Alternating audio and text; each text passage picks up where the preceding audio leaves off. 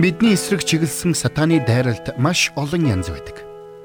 Түүний дайралт заримдаа амт нөхөд хамтран ажиллагчдын шүүмжлэл хэлбрээр биднийг чиглэдэг бол заримдаа биднийг сул дорой байдлаар маань уруу татах, уруу татлах хэлбрээр чиглэдэг. Тэр бүхэл заримдаа бидний дотор өөрийгөө голох мэдрэмжийг төрүүлж байдаг.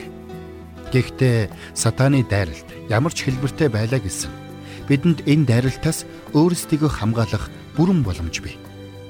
Хамтдаа нэвтрүүлгийн өнөөдрийн дугаараар доктор Стенли бидэнд Христийн сайн зэрэг байх ёстой чанаруудын талаар үргэлжлүүлэн заах болно. Ингээд хамтдаа доктор Стенлиг өгтөн авцгаая.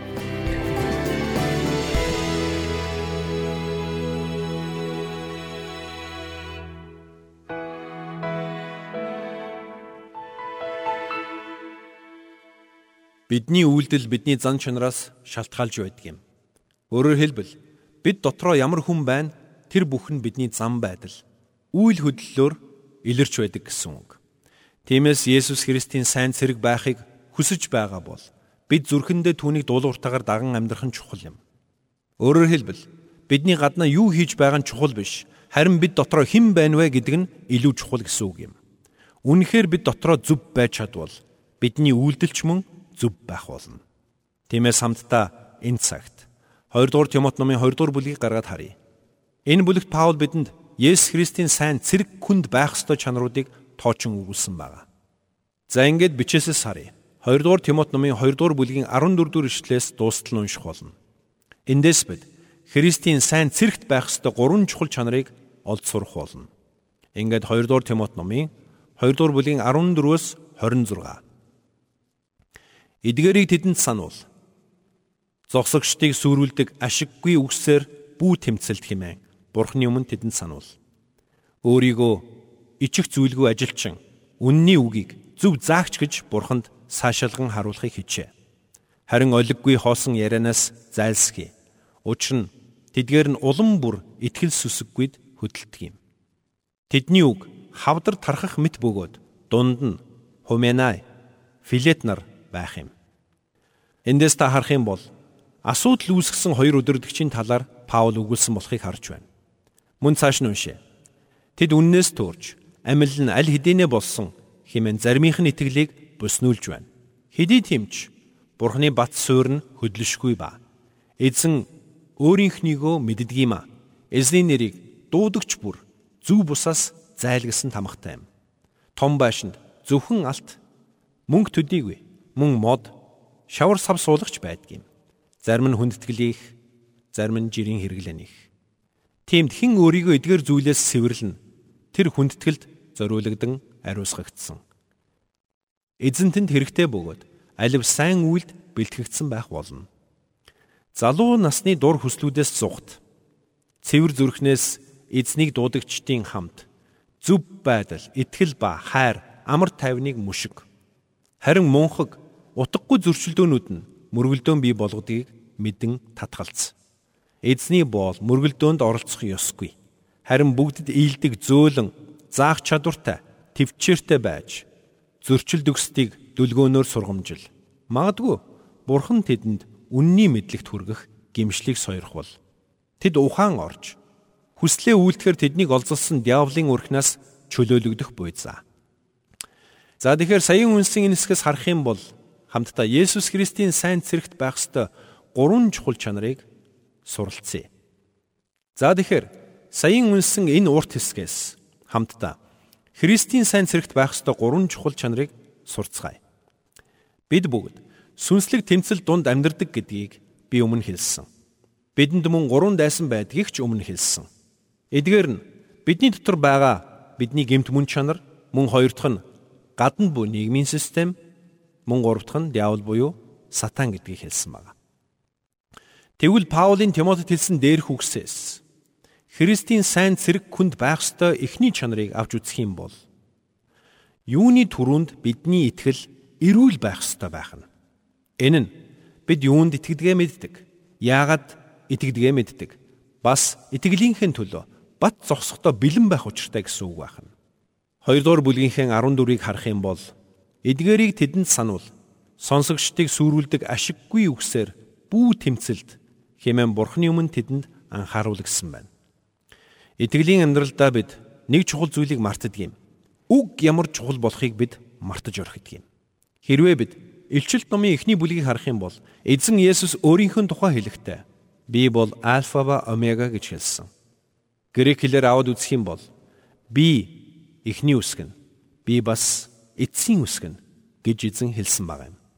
Энэ үгийн утга нь эхний үсгээс эцсийн үсэг хүртэл бүх үг, бүх мэдлэг, бүх үнэн Есүс Христийн дотор байдаг гэсэн утгатай юм. Бид үсгээр дамжуулан үгийг бүтээдэг харин үгээр дамжуулан хоорондоо харилцдаг. Тиймээс бидний үг маш чухал гэдгийг бид ойлгох хэрэгтэй. Би түрүүнд бидний үйлдэл бидний зан чанараас шалтгаалж байдгаа гэж хэлсэн. Өөрөөр хэлбэл бидний дотор юу байна? Тэр нь гадагшаа илэрч байдаг юм. Зарим тохиолдолд маш үл анзаарагдан байдлаар илэрдэг бол заримдаа маш хурц байдлаар илэрч гардаг юм. Аль нь ч байлаа гэсэн бидний дотор байгаа зүйл нь биднээс гадагшилж байдаг гэдгийг бид ойлгох хэрэгтэй. Тэгвэл тэр утгаараа бидний амнаас гарч байгаа үг биднийг хэн болохыг илчилж байдаг гэсэн үг. Хэдийгээр та бусдад өөрийнхөө хаан ажилдаг эсвэл хаан сурдаг тухайга дандаа яриад байдаггүй байж болох ч таны хэлж байгаа үгс таны гаргаж байгаа үйлдэл их баг ямар нэгэн хэмжээгээр таны итгэл үнэмшлийг илтгэж байдаг гэдгийг санах хэрэгтэй. Тийм ч учраас Илж Паул эзэн Есүс Христийн сайн цэрэгт байх ёстой эхний чанарыг энд хэлэхдээ итгэлийн хувьд эрүүл байх ёстой гэсэн юм. Өөрөөр хэлбэл тэр хүн юунд итгэдгээ мэддэг, яагаад итгэдгээ мэддэг. Тэр итгэлийнхэн төлөө бат зогсож чаддаг байх ёстой хэмээн онцолсон юм. Учир нь хүмүүс юунд итгэж байгаагаа мэдэхгүй. Итгэл үнэмшил нь алдаатай байх юм бол ямар сөрөг үр дагавар гардаг болохыг Паул сайн мэдэж байсан. Тимотийн өдөрдөж байсан Эфесийн чуулганд ийм асуудал нүүрлээд байсан юм.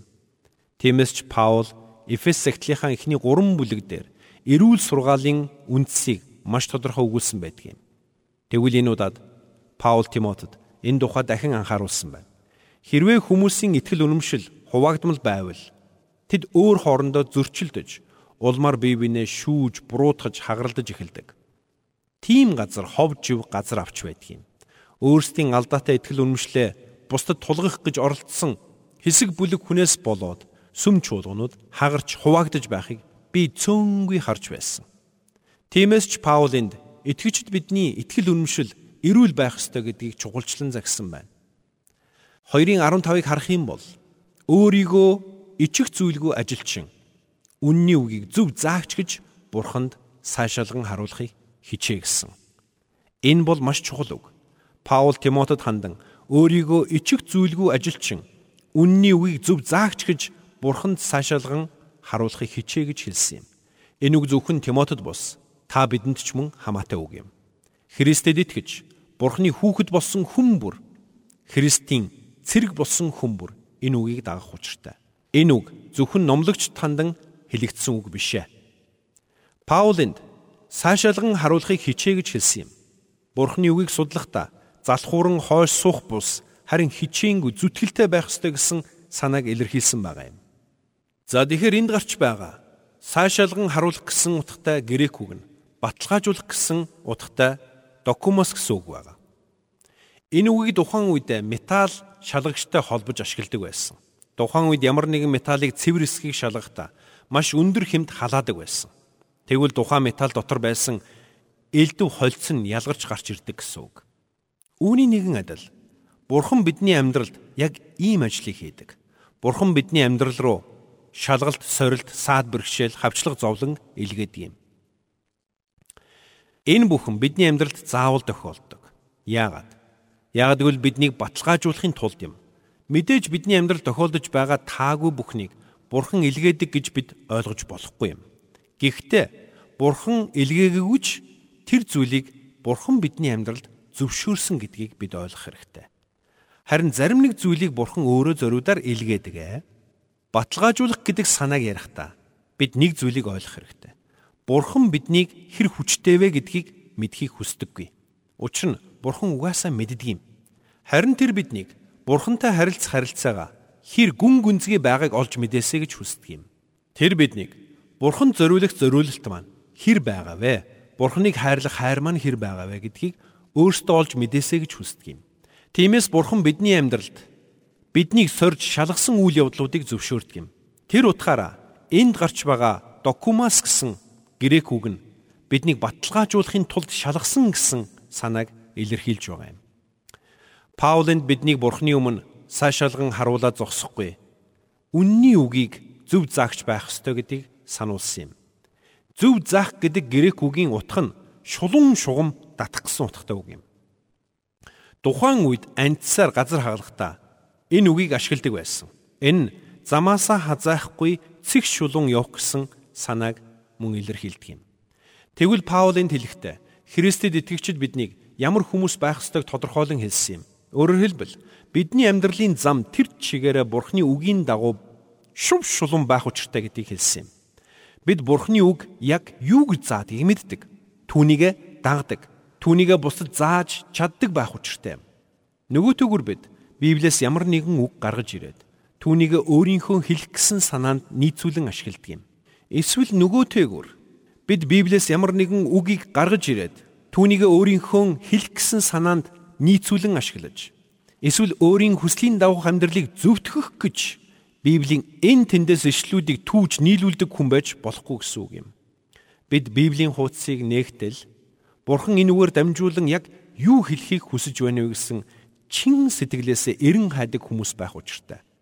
Бид гартаа байгаа Библийг Бурхны алдаа мадаггүй үг бөгөөд энэ л үгийг дагснараа бид амьдралдаа тулгарсан альва бартаа саа зовлон бэрхшээл хавчлаг дарамт сэтгэл гутралыг ялан дийлж чадна гэдэгт бат итгэх хэрэгтэй. Хэрвээ тийм биш бол бид яаж итгэлийн амьдралдаа ялалт байгуулах вүлээ дээ? Харамсалтай нь олон хүн Бурхны үгийг биш харин тухайн цаг үед гарч ирсэн ямар нэгэн олонний санаанд нийцсэн арга барил, онол сургаал, хэв маягийг дагахыг хүсдэг юм. Гэтэл тэдний амьдралд зовлон бэрхшээл тулгарх үед тэд тууштай байж чаддаггүй. Учир нь бид Бурхны хөдлөшгүй үнэн үгнээс ангид байвал итгэлийн амьдралдаа тулгарч буй альва хавчлаг дарамт зовлон бэрхшээлийг амжилттай даван тулан гарч чадахгүй юм. Угаасаа давах боломжгүй юм. Паул бидэнд юу гэж сануулсан бэ? Цаг нь нэрэхэд хүмүүс эрүүл сургаалыг твчихгүй болж харин хүслийнхээ дагуу чихийг нь гижигдсэн багш нарыг өөрсөддөө цуглуулах бөгөөд чих нь үннээс сэргэж үлгэр домгуудад хандах болно гэсэн байна. Энэ нь хүмүүс зөвхөн өөрийнхөө сонсохыг хүссэн зүйлэл сонсож өөрт нь таатай мэдрэмж төрүүлсэн зүйлийг л дагахыг хүсдэг болно гэсэн үг юм. Гэтэл Библи тийм биш. Библи бол заавар, зөвлөгөө, залруулга, ятгалга зэмлэлээр дүүрэн ном. Энэ ном бол бидний өмнө гим нүгэл, зөвхт байдал, ёс бус байдал ба ариун байдлыг эсэргүүцэн тавьж бидний итгэдэг бурхан ямар ариун, ямар агуу болохыг бидэнд илчилж өгдөг ном. Тийм учраас Паул бидэнд хэлэхдээ та нар шулуун шугам татаарай гэж хэлсэн юм. Энэ нь бид бурхны үгийг бурхны үг чигээр нь хүлээн авна гэсэн үг юм. Энэ үгийг өөрийнхөө хүсэл сонирхолд нийцүүлэн тайлбарлах гэж оролдох хэрэггүй гэсэн үг юм. Харин Бурхны үгийг үннээр ойлгож, энэ үгийг үннээр зааж, ариун сүнсний хүчээр энэ үгийг даган амьдрна гэсэн үг юм. Сүм чуулганд нүүрлээд байгаа алдаа завхрал, хэрүүл тэмцэл, хов живийг таслан зогсоох. Эдгээрээс сүм чуулганыг хамгаалах хамгийн үр нөлөөтэй арга зам бол Бурхны үгийн шугамыг шулуун татах явдал юм шүү гэдгийг Паул онцолсон энэ юм. Учир нь Бурхны үг бол хоёр талдаа эртээ ямар ч илдээс хурц гэдгийг Библи батлан өгүүлсэн байдаг. Тиймээс Паул биднийг Бурхны үгийг үнэн зөвөөр судлаж, үнэн зөвөөр зааж, үнэн зөвөөр дагдаг хүмүүс байх ёстой гэдгийг онцлсан юм. Хэрвээ ийм байж чадвал итгэлийн хувьд бат зогсож чадна гэсэн үг. Ингээд хамтдаа үргэлжлүүлээд 2 дугаар Тимотийн 2-ын 19-ыг харъя. Хэдий тиймч Бурхны бат суурь нь хөдлөшгүй ба Эзэн өөрийнхнийгөө мэддэг. Эзний нэрийг дуудагч бүр зүй бусаас зайлгсан тамхтай юм гэж хэлсэн байна. Паулийн энд хэлсэн үгнээс үзвэл Христийн бие болсон итгэгчид бид хоёр зүйлийг чухалчлан үзэх ёстой байх нь. Нэгдүгürt бид Бурхных гэдгээ санаж амьдрах ёстой байна. Хоёрдугаарт бид Бурхны өмнө зүй бус зүйлээс зайлсхийж ариун амьдралаар амьдрахыг хичээх ёстой байна. Энэ хоёр чанар бол Бурхны үгийг үнэн зөвөөр судлаж, үнэн зөвөөр зааж, үнэн зөвөөр даган амьдардаг. Өөрөөр хэлбэл итгэл нь эрүүл хүмүүсээс илэрх шинж чанарууд юм. Тэгэхээр Христийн сайн цэрэгт байх ёстой эхний чанар нь итгэлийн хувьд эрүүл байх хэвдэл байх нь. Ийм хүмүүс юунд итгэдгээ мэддэг, яагаад итгэдгээ мэддэг, бас итгэлээ хамгаалж чаддаг юм. Бурхны үгийг үнэн зөвөөр сурч судлаж, зааж чаддаг, хууранд сургаалыг эсэргүүцэж чаддаг байх нь. За тэгэхээр Христийн сайн цэрэгт байх учиртай хоёр дахь чанарыг авч үзье. 2 дугаар Тимотийн 2-ын 20-ыг харах юм бол Христийн сайн цэрэг Бурхны зорилгын төлөө ариусгагдсан байх учиртай гэдгийг онцолсон байна. Библийн энэ хэсэгт гарч байгаа ариусгагдсан гэсэн үг нь Бурхны зорилгын төлөө дуудагдсан гэсэн утгатай юм. Ингээд хамтдаа 2-ын 20-с 21-ийг харъя. Том байшин зөвхөн алт мөнгө төдийгүй мөн мод шавар сав суулгач байдаг. Зарим нь хүндэтгэлийн, зарим нь жирийн хэрэглэнийх. Иймд хэн нэгэн өөрийгөө эдгээр зүйлээс цэвэрлэнэ тэр хүндэтгэл зориулагдсан ариусгагдсан. Эзэнтэнд хэрэгтэй бөгөөд алив сайн үйлд бэлтгэгдсэн байх болно гэж Паул хэлсэн байна. Илч Паулынд нэгэн чухал үгийг хэлсэн байна. Би дахиад уншия. Иймд хэн өөрийгөө эдгээр зүйлээс цэвэрлэн тэр хүндэтгэл зориулагдсан ариусгагдана. Эзэнтэнд хэрэгтэй бөгөөд аливаа сайн үйлд бэлтгэгдсэн байх болно гэж хэлсэн юм. Энэ юу гэсэн үг вэ? Энэ нь бурханд үйлчлснийхээ төлөө бид өөрсөддөө алдрыг авах зохисгүй гэсэн санаа юм. Зарим хүмүүс бурханд үйлчлээд үүгээрээ алдаршиж, үүгээрээ алдар хүндтэй болно гэж боддог. Өөрсдөө хөндлүүлнэ гэж боддог. Хэрвээ ингэж боддог хүн байгаа бол маш том эндүрч байна гэсэн үг юм. Бурхан биднийг хүндэлдэг нь үнэн. Гэхдээ бурхан биднийг яг яаж хүндэлдэг вэ? Бурхан биднийг аливаа сайн үйлд бэлтгэж, биднэр дамжуулан сайныг үйлдэн гэдэг нь Бурхан биднийг хүндэлж байна гэсэн үг юм. Хэрвээ бид ийхүү бурхны хүслийн дагуу сайныг үлдэж байвал яах вэ? Бурхан бидэнд илүү их ажлыг өгөх болно. Учир нь Паул хэлэхдээ зарим нь хүндтгэлийн, зарим нь жирийн хэрэглэнийх гэж хэлээд үргэлжлүүлэн Бурханд үйлчлэгч хүний тухай өгүүлэхтэй. Тэр хүндэтгэл зориулагдсан ариусгагдсан. Эзэнтэнд хэрэгтэй бөгөөд алив сайн үйлд бэлтгэгдсэн байх болно гэсэн юм. Тиймээс хэрвээ та бид Бурханы өмнө итгэмжт зарц байх юм бол Бурхны өмнө сайныг үйлдэж байна гэсэн үг юм. Бас бид ийхүү сайныг үйлдэх үед Бурхан бидэнд илүү их ажил үйлчлэлийн боломжийг өгнө гэсэн үг юм. Би одоо нэг зүйлийг танд чухалчлан захимаар байна. Би өмнө ч хэлж байсан. Одоо ч онцолж хэлмээр байна. Зарим хүмүүс амьдралынхаа туршид үхэн хатан ажилдаг. Тэд өдөр шөнөгүй ажилласаар эцэст нь аль болох хурдан тэтгэвртэй гараад за тэгээд л үлдсэн амьдралдаа юу ч хийлгүй амарч сайхан өнгөрүүлнэ гэж боддог. Уучлаарай. Энэ бодол бол бүхэлдээ Библиэд зөрчилдөх бодлууд юм шүү. Гэтэл Христэд итгэгчдийн дунд хүртэл ийм бодолтой хүмүүс цөнгүү байна. Гэтэл ийм бодол хандлага нь бүхэлдээ Библиэд зөрчилдөг гэдгийг бид ойлгох хэрэгтэй. Учир нь бид хэдий чинээ урт удаан амьдран төдий чинээ бурханд итгэмжтэйгээр үйлчилж үүний төлөө ажиллаж хөдөлмөрлөх учиртай юм. Үүнээсээ болоод бид насныхаа бүксэнд амар чадалгүй үйлчлэх хэрэгтэй болж байна. Таны дэвтүртэй гарсныхаа дараа хийхэр төлөвсөн бүхэн чинь үгүй болчих болно. Гэхдээ Бурхны хүслийг хоош тавьснаас өөрийнхөө хүслийг хоош тавьсан илүү дээр. Гэхдээ тэглээгээд та амарч чадахгүй, эрх чөлөөтэй байж чадахгүй болно гэсэн үг биш юм. Бурхан биднийг хангалттай амрааж, хангалттай шагнах болно. Зүгээр л та амьдралынхаа залуу эрч хүчтэй үеийг мөнгөний төлөө үхэн хатан ажиллаж өнгөрүүлчихэд дараа нь хөгшөрсөн хойноо юу ч хийхгүй суuna гэдэг нь өөрөө буруу гэдгийг танд л ойлгуулахыг хүсэж байгаа юм. Паулын хэлэхдээ хүндэтгэл зориулагдсан ариусгагдсан савнууд нь альва үйлд бэлтгэгдсэн байх болно гэж хэлсэн. Энэ нь бид хэдий чинээ бурханд итгэмжтэйгээр үйлчлэн төдий чинээ бурхан бидэнд илүү үүрэг хариуцлагыг өгөх болно гэсэн үг юм. Учир нь энэ нь бид өөрсдийн итгэмжт байдлыг батлан харуулсан гэсэн үг юм. Тэгвэл Бурхны өмнө ийхүү итгэмжтэйгээр үйлчилсэн, хүндэтгэл зориулагдсан, ариусгагдсан сав байхын тулд бид яах ёстой вэ?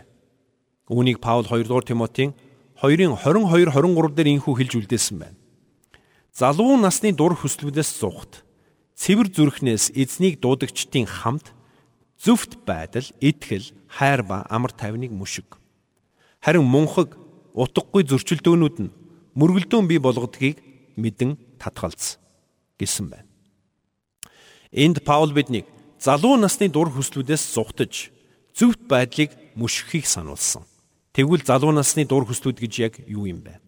Энэ бол зөвхөн залуу наснд л төрөөд өнгөрдөг хүслүүд гэсэн үг биш юм. Эсвэргээр энэ бол хүмүүсийг өсөж хөгжиж буй залуу наснд нь төрж байдаг хүчтэй хүсэл эрмэлзлүүд юм. Мэдээж хүсэл эрмэлзэлтэй байх нь буруу биш. Гэхдээ ихэнх тохиолдолд бидний хүсэл хаандаггүй. Бид илүү ихийг хүсэж тачааддаг юм. Тиймээс залуу наснаас эхлэн бидний дотор төрж эхэлдэг тэр бүх хяналтгүй хүслүүд хянж цадхаа мэдэхгүй шаардаж байдаг шунлаас бид зүхтах ёстой байх нь. Энэ нь бид зугаацж цэнгэж болохгүй гэсэн үг үү? Үгүй ээ. Энэ нь бид амьдралаас таашаал авч болохгүй гэсэн үг үү? Үгүй ээ. Материалыг эд зүйлстэй байх нь буруу гэсэн үг үү? Мэдээж бас л үгүй. Асуудал нь үүнд байгаа юм биш. Хамгийн гол нь юу таныг жолоодож, юу таныг хөдлөж байна вэ гэдэгт л хамгийн гол нь байгаа юм.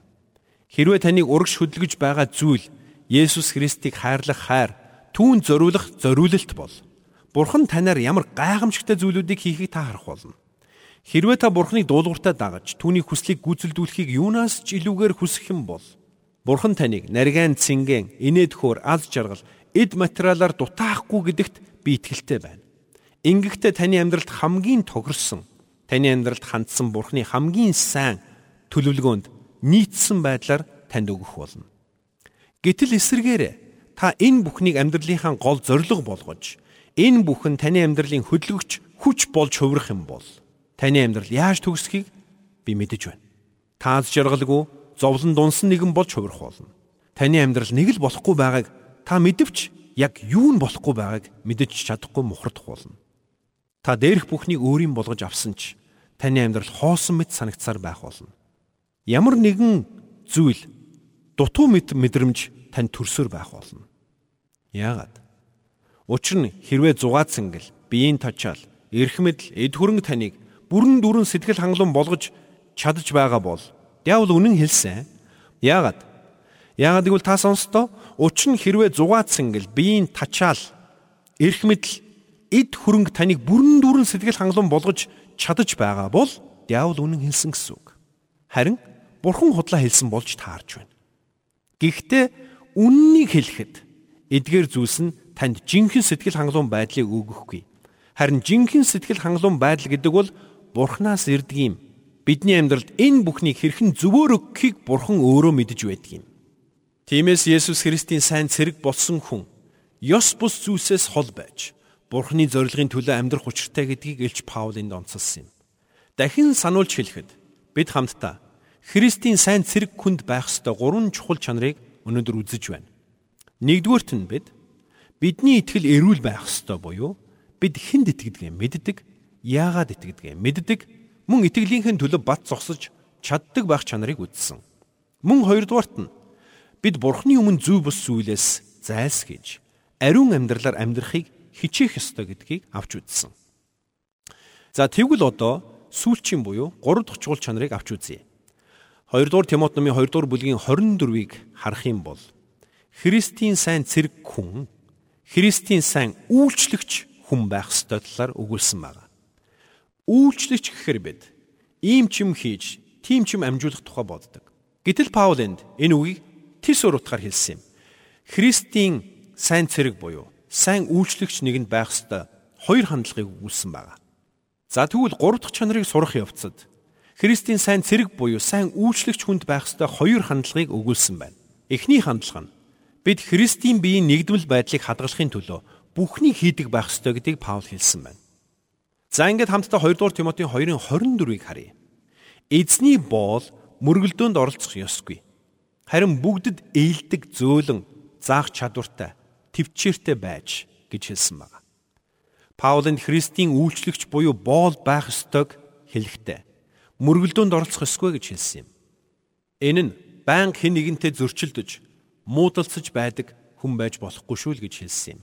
Цааш нь мөн хэлэхдээ бүгдэд ийдэг зөөлөн заах чадвартай гэж хэлсэн байна. Өөрөөр хэлбэл ийдэг зөөлөн харилцаатай мөн юунд итгэдэг мэддэг байх ёстой гэсэн юм. Эцэст нь төвчээртэй гэсэн үгийг хэлсэн байна. Энэ бүхнээс үзвэл эзний үйлчлэгч буюу боол нь Христийн биеийн нэгдвэл байдлыг хангахын төлөө бат зогсдог нэгэн байх ёстой. Хоёрдугаарт Христийн сайн үйлчлэгч нь итгэлийн амьдралынх нь баланс алдагдсан эсвэл буруу сургаалд автан төөрж утсан нэг нэг хойноос нь явж тэдэнд хүрч тэднийг зааж залруулах эрмэлзэлтэй байх ёстой гэдгийг хэлсэн юм. Мөн 2 дугаар бүлгийн 25-аас 26-ыг харах юм бол зөрчилдөгсдгийг дүлгөөнөөр сургамжил. Магадгүй Бурхан тэдэнд үнний мэдлэгт хүргэх гимшлийг сойрох бол тэд ухаан орж хүслээ үйлдэхээр тэднийг олзолсон диаволын өрхнөөс чөлөөлөгдөх буй заа гэсэн байна. Эндээс үзвэл Христийн сайн цэрэг бид Христийн сайн үйлчлэгч байх ёстой бөгөөд ингэхдээ Христийн биеийн нэгдмэл байдлыг энэ тэргүүнд тавьдаг. Төөрч бүдэлсэн нэгнээ сэргэн босгодог хүмүүс байх учиртай аж. За тэгвэл төгсгөлд нь өнөөдрийн үтсэн бүхнээ эргэд нэг харцгаая. Илч Паул бидэнд хэлэхдээ Христийн сайн цэрэг байхын тулд бид юуны түрүүнд бидний итгэл, сэтгэл эрүүл байх ёстой гэдгийг хэлсэн байна. Бид Бурхны хүмүүс гэдгээ санаж түүний өмнө дуулууртаагаар амьдрах учиртай байна. Ингэхдээ бид хинд итгэсэн, мөн яагаад итгэсэн, мөн яагаад энэ итгэлийн төлөө бат зогсоход бэлэн байх ёстойгоо мэддэг тухай хэлсэн юм. Хоёрдугаарт бид ёс бус зүйлээс зайлсхийж Бурхны өмнө зөвхт ариун амьдралаар амьдрахыг хичээх ёстой гэдгийг хэлсэн. Бид ирч хүчтэй залуунаасаа мөнгөний төлөө үхэн хатан зүтгэж биш харин бурхны төлөө гэсэн сэтгэлээр бурхны зоригт хөтлүүлэн амьдарч мөн өндөр настай болсон хойноо юу ч хийлгүй хойс суух бус харин итвэхтэйгэр үйлчлсээр байх нь чухал юм. Учир нь бид бүгд бурхны алдрын төлөө түүний зорилгын төлөө бүтээгдсэн хүмүүс. Тиймээс бидний амьдралын өдөр бүр бурхны өмнө үндсэнтэй утга учиртай байх юм. Бидний ажил хөдөлмөр бол бидний амьдралын туйлын зорилго биш. Харин Бурхны зорилгын төлөө амьдрахад туслах хэрэгсэл юм. Тиймээс амьдралынхаа өдөр хоног бүрийг Бурхны төлөө зориулна гэсэн итгэлээр бид амьдрах учиртай юм. 3 дугаарт Христийн сайн цэрэг байхыг хүсвэл бид Христийн сайн үйлчлэгч байх ёстой гэдгийг сурсан. Тэгвэл Христийн сайн үйлчлэгч буюу сайн боол нь итгэлийн нэгдмэл байдлын төлөө Христийн биеийн эв нэгдлийн төлөө бат зогсдог нэгэн байх ёстой. Ингэхдээ замаа алдан төөрсөн, зүгээ алдан бүдэлсэн нэгнийг зөв тийш нь залруулан чиглүүлэх чин ирмэлзэлтэй байх ёстой гэдгийг Паул сануулсан. Эцэст нь бид сүлийн хичээлүүдээр дамжуулаад Христийн сайн цэрэг хүнд байх ёстой чанаруудыг үзсэн. Тэр бүхнээс үзээд дүгнэхэд Христийн сайн цэрэг нь эзний дотор хүчтэй байж золиос гаргахдаа итгэлийнхэн төлөө зовлон амсахдаа бэлэн байдаг. Түүний бодол санаа говьж дайвдаггүй. Тэр итгэл дотроо бат зогсдог. Мөн Есүс Христийн сайн цэрэг хүн хүнд хүчийг даван туулахдаа бэлэн байдаг хүн. Христийн сайн цэрэг итгэл дотроо эрүүл саруул байж амьдрал нь бурхных гэдгийг ойлгож ухаарсан хүн. Тэр бурхны зорилгын төлөө өөрийгөө зориулж Христийн биеийн нэгдмэл байдлын төлөө бат зогссон Христийн сайн үйлчлэгч, сайн зарц байх ёстой байх нь. Өнөөдөр бидний эргэн тойронд буй хүмүүс Бурхныг амьд гэдгийг, Бурхныг бодтой гэдгийг, Бурхан хүчрэг гэдгийг амьдралаараа харуулах хүмүүсийг хайж байна. Бурхан бидэнд хайртай гэдгийг, Бурхан бидний нүглийг уучилдаг гэдгийг, Бурхан бидэнтэй өдөр бүр хамт байхыг хүсдэг гэдгийг амьдралаараа гэрчлэн харуулах хүмүүсийг хайсаар байна. Яагад гэж? Яагад гэвэл Тэд номлол сонсдоггүй. Тэд Библийг уншдаггүй. Харин тэд бидний амьдралыг харж байдаг юм. Харин Есүс Христийн сайн цэрэг хүний амьдралаар амьдрах юм бол энэ нь үл итгэж зориулсан хамгийн сайн гэрчлэлийн ном юм. За ингээд хамт залбирцгаая. Бурхан эцэг минь биднийг хайрлсан таны агуу хайрын төлөө таньдаа талархаж байна. Өнгөрсөн хугацаанд таны өмнө гаргаж байсан алдаа дутагдал бүтэлгүйтэл бүхнээ танд өргөж байна. Бидний сулдроо гэдгийг та анханасаа мэдэж байсан билээ. Тиймээс бид өөрсдийгөө буруутгах бус харин танд итгэх итгэлээр таны өмнө дахин цоо шинээр алхаж эхлэхэд минь туслаач. Та бидний бүтэлгүйтлүүдээр дамжуулан биднийг таарч, зүлгэж, шинчилж, өөрийн хүслийн дагуу хүмүүс болгон өөрчлөөч. Та биднийг хайрладаг учраас, та бидэнд төвчээртэй ханддаг учраас танд баярлалаа. Бидний дотор ажилласаар биднийг Есүс Христийн дүр төрхийн дагуу өөрчлөн шинчилсээр байгаач. тийхүү бидний амьдралаар дамжуулан өөрийн нэрийг алдаршуулаач. Есүс Христийн нэрээр залбирч байна. Аамен. Бурхан өнөөдөр ч энэ дэлхий дээр маш идэвхтэйгээр ажилласаар байна. Гэвч үл итгэгч хүмүүс Бурханы энэ агуу үйлсийг олж харж чаддаггүй. Тэдэнд Бурханыг амьд гэдгийг батлан харуулах цорын ганц арга зам бол итгэгчид бидний амьдралын гэрчлэл юм. Өөрөөр хэлбэл бид өдөр бүр итгэлээ гэрчлэн харуулж, өдөр бүр итгэлээ бат сахин амьдрах учиртай юм аа. Тиймээс хамтдаа өнөөдөр доктор Стенлийн өгч буй зөвлөгөөнүүдийг дагаж Есүс Христийн сайн цэргүүд байцгаая. Есүс Христийн сайн цэрэгт байх ёстой тэрл эрхэм чанаруудыг амьдралдаа хэвшүүлцгээе. Эфес 2 дугаар бүлэгт Есүс Христэд итгэхээс өмнө бидний амьдрал ямар байсныг ийхүү өгүүлсэн байдаг. Та нар алдаа зөрчил нүглийнхээ учир үгсэн байсан агаад тийм амьдарч байхдаа энэ ертөнцийн замнал ба агаарын хүчний ноёр хогч дуулгаргүй хөвгүүдийн дотор ажиллагч тэр сүнсийг дагдаг байв. Тэдний дунд бидж бас бүгдээр урд нь махбод болон оюун бодлын хүслүүдээ өөгшүүлэн мах бодийнхын хүсэл тачаалуудаар амьдарч байв. Мөн төрлөх байдлаараа бусдын адил уур хилэнг нь хүртэх хүүхдүүд байсан ч биднийг хайрлсан авууга хайраараа өршөөлөөр баян бурхан маань алдаа зөрчил дотроо үгсэн биднийг Христтэй хамт амьд болгосон юм та нар нэгүслэр аврагдсан билээ. Есүс дотор биднийг түүгээр амьлуулж түүнтэй хамт Тэнгэрлэг орших үед суулгасан. Эфес 2-ын 1-6. Үнэхээр ийм гайхамшигтай ивэл өрөөлийг хүлээн авсан учраас хамтдаа Бурхны хайрыг бусдад хуваалцсан итгэлээ бат сахин амьдарцгаая.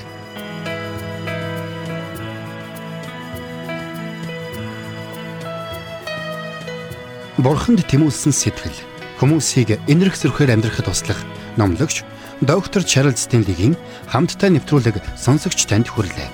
Нэвтрүүлгийг дахин сонсохыг хүсвэл ихтгэл радиоцик.com-оор зочлоорой. Бидэнтэй холбогдохыг хүсвэл 8085 99 тэгтэг дугаард хандаарай.